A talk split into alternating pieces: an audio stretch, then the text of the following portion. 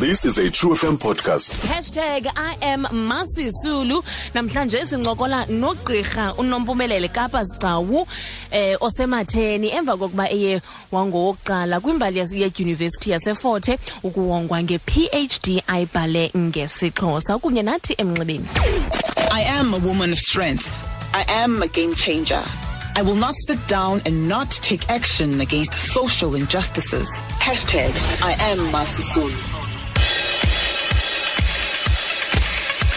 Dr Nompumelelo Kapa Sigcawu enkosi kakhulu ngexesha lakho sikubulise sikwamkele True FM siyabulela kakhulu ngelithuba Eh ndiyabulisa nami kubaphulaphuli. Bulisa nakuwe sisi. siyabulela kakhulu khawusibalisele ke ngendlela okhule ngayo ingabe ukhulele phi Eh ndikhulele eThorha kwidolophu yaseNgcobo. mm. Kodwa ke singabantu abasuka eHewu eKomani. Mm. Eh ndikhuliswa ngumama oyedwa ongatshatanga. Mm. Eh singabantwana abahlanu ngokugqibela ke. Eh utitshalakazi ke exelenga eGcuwa apho ndiye ndafunda khona. Eh ndawugqiba ke amabanga amaphezulu eVuluveli High School. Ndaphuma apho ndaya eUnitra. Mm. Kulapho ngoku ndisithabathe khona isixhosa. Mm. Eh Okay. Apha ekukhuleni ke wawungumntana mhlawumbi othanda ufunda okanye othanda ubhala ndi you know amaxesha amaninzi lo ngcambu Eh. yokuxabisa isixhosa iqala pha ebuntwaneni. iqale ebuntwaneni kuba umama ubekhe naye ade asibalisele into yoba bendide ndithande nokubhala amaculo akhe ecawa kuba Oh. ndilinganisa kwezi zinto bazicula phaa ecaweni Eh. nditsho nam ukuba ndifuna ukubhala ndibhale ke ndizama ubhala laa nto iphaa eculweni lecawe ndiyibhala ngesixhosa Mm. eh Okay. mm. I- ingaba mhlambe eUnitra ke ufike wafunda esiphi isifundo? alright ukufika kwam eunitra eh bendingumntu ozithandayo izifundo zorhwebo andithi ii-accounting ezine-economics Mm. kodwa ndakufika eunitra ke uyabona xa xa ufika eyunivesithi ufika utshintsha um nolwimi olu lokuthetha ufumanisa uba um izinto ziyanyuka umgangatho. Ndazithatha kodwa kunyaka wokuqala. Mm. ithe xa kufuneka ke ngoku um singene kowesibini abuze ulecturer wam obe ndifundisa isixhosa into yokuba um ingabe uyanyukana naso ukuya kwi- kwi- kwi- kwi- kwinqanaba lesibini. Kwabe ke ngoku abafundi abaninzi bebaleka kungekho mntu ufuna unyuka naso kangangendlela esasinzima ngayo. Wasicenga ke esicenga into yoba uyayiqonda laa nto uba umntu ungafumanisa uba ngade aphelelwe nangumsebenzi kuba akanabantu. Sahlala ke ngosilelo qaqobana siqonda ukuba hayi masisithathe esi sixhosa. Kanjani uba singathi singamaxhosa sisibaleke isixhosa? Ndaqala apho ke ngoku uku- uku- ukuba ndisithande ndizixelele into yoba tyhini. Akubalulekanga nje ukuba um singazixabisi uba singobani. Mandihlale ndifunde isixhosa esi. Mm. Mm. Ubukade ke ufuna ukuduma nje ngomntu wokuqala ukuwongwa nge-PhD ebhalwe ngesixhosa okanye injongo zakho bezintoni? Okay. Eh kona kona ukubaluleka nokuduma ibingeyonto eh njengoba bendibhala ebe ndiyazile ndive ngeli xesha sele ndibhala Okay. xa sendiphakathi ndive xa kuthethwa into yoba hayi ukapa uza kophula irekhodi ke kuba ungumntu wokuqala ekubhaleni apha kwimbali yedyunivesithi Mm. ndazingca ke ngaloo nto. Yabe ke ndizixelela into yoba um njengoba ndingumhlohli wesixhosa uyaqonda uba kuzo zonke iindawo endizibekileyo phaa endiphangele kuzo ndisebenzisa isixhosa ndihlohla isixhosa.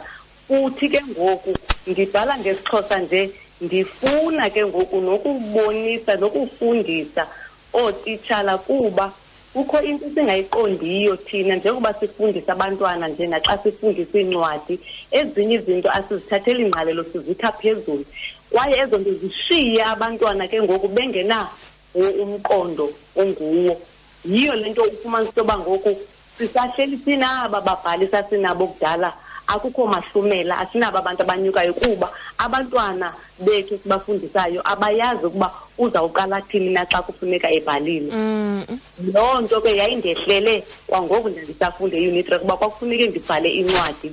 Ndafumanisa into yoba ndithiya umlinganiswa wam ndithi nguphumeza. Wandibuza ke ngoku umqeqeshi wam into yokuba lo mlinganiswa umthiya phumeza yeyiphi into ayiphumezayo apha kweli bali lakho? Uzama ucela ntoni kuba kuzo zonke izinto azenzileyo apha? Akho nto itshoyo uba ungumntu ohambe wayokuphumeza into apha. Into nayo use wangumntu owayo apha ebomini bakhe kwade kophela ubomi bakhe. Ifuthi ke ngoku zange ndibe nawo mna umqondo ndisaphuma e-high school into yoba xa ufuna ufundisa umntu okanye ufuna ubhala incwadi okanye ufuna ukuthini njengoba ababhali besesipili sentlalo yindlela ni onokwazi uthiya ngayo futhi xa uthiya funeka uyazi into yoba uzamthiya lo mntu nendima yegama lakhe idlale indima apha ebomini igama. Eh. Em siselapho ke em ekufundiseni abantwana isixhosa. Em aba abazali bangoku banento yokuthi naxa behleli nabantwana babo uve kuthethwa iEnglish oh come here boy come here mommy is calling you. Eh. kodwa umntana ungumxhosa umzali ngumxhosa. Um nam ndingumuntu omtsha nje sendivela uxelela into yobana ngabi isixhosa ingakumbi esinintsokothileyo siyalumeza pha ezidlebeni um asimnandanga akumnandanga ukuva umntu othetha isixhosa ingakumbi umntu omtsha ongangam um wena ungathini kuloo nto? Eh yile nto ke kanye iyenza ukuba masitshabalale isixhosa. Yinto yokuba eh abazali emakhaya bathethi nabantwana isixhosa kuba abasibonisi into ephucukileyo. Futhi ke ngoku emzini ekuzawufuneka kuthethwa isixhosa kusuke kube ngathi bazawujongelwa phantsi. Okwesibini athi umntana semthumela esikolweni kwezi zikolo ke zilapha ezidolophini angafuni uba umntwana wakhe afunde isixhosa kuba izixhosa zikhona ngoku. Abuze into yoba umntwana uzawusenza ntoni isixhosa. Balibale into yokuba abantwana bayabetheka ekugqibeleni kwezinye indawo kuba uba uyafumanisa kwezi zikolo ndizawuthi ke xa ndizibiza zizikolo zamabhulu kwezaa zikolo ufumanisa uba abantwana ukuze umntu akwazi uyiva kakuhle le nto kuyawuthetha isibhulu sakhe. Ayive kakuhle ke ngoku le nto ngoko afundiswa ngesingesi. Kodwa nethi kuthetha isibhulu ayibambe umntwana laa nto leya. Ufumanisa uba nasephepheni lakhe xa ephendula iphepha kubhaliwe kwenye icala isingesi kwelinye icala kwabhala isibhulu.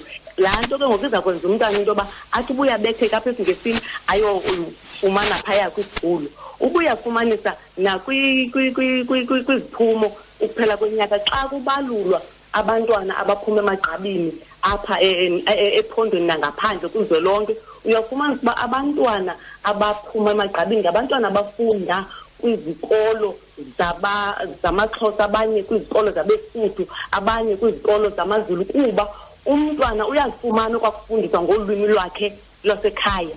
Aphinde ke ngoku afundiswe ngolwimi lwesingesi. Imenza ke ngoku laa nto leya athi nento ebengayibambi kakuhle akwazi ukuyibamba kuba uyayazi ngolwimi lwakhe lwenkobe ayibambe kakhulu ke ngoku xa sebamba ngesingesi. Mm.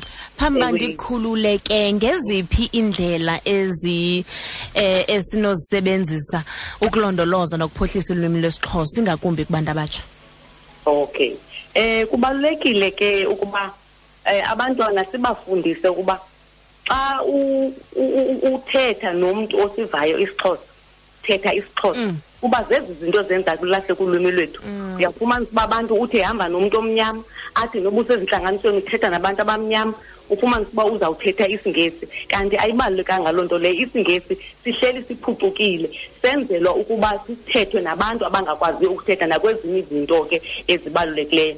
Okwesibini abantwana bethu masithi xa sibathumela ezikolweni njengokuba kufakiwe iilwimi zesixhosa siyazi into yoba kubalulekile ukuba umntwana asifunde isixhosa. Ukwenzela into yoba kungalahleki ubuntu kuba le nto yokulahla ulwimi silucinezele singaliboneli ntweni yenza ukuba abantu baphelelwe nabo ubuntu. Singabi sabi nabo ubuntu inkcubeko yethu ke ilahleke kuphele. Ukunika ke ngoku umzekelo le nto yokujongela phantsi kwesixhosa abantu ayizuba ndawo umntwana wakhe uza ngasifundi isixhosa. Xa efika eyofunda funde eyunivesithi yokwenza imedicine phaya. Kwezi universities umzekelo e-uct fakiwe kwamedical isixhosa siyafundwa phaya. Kuba kufunwa ugqirha azakwazi ukuthetha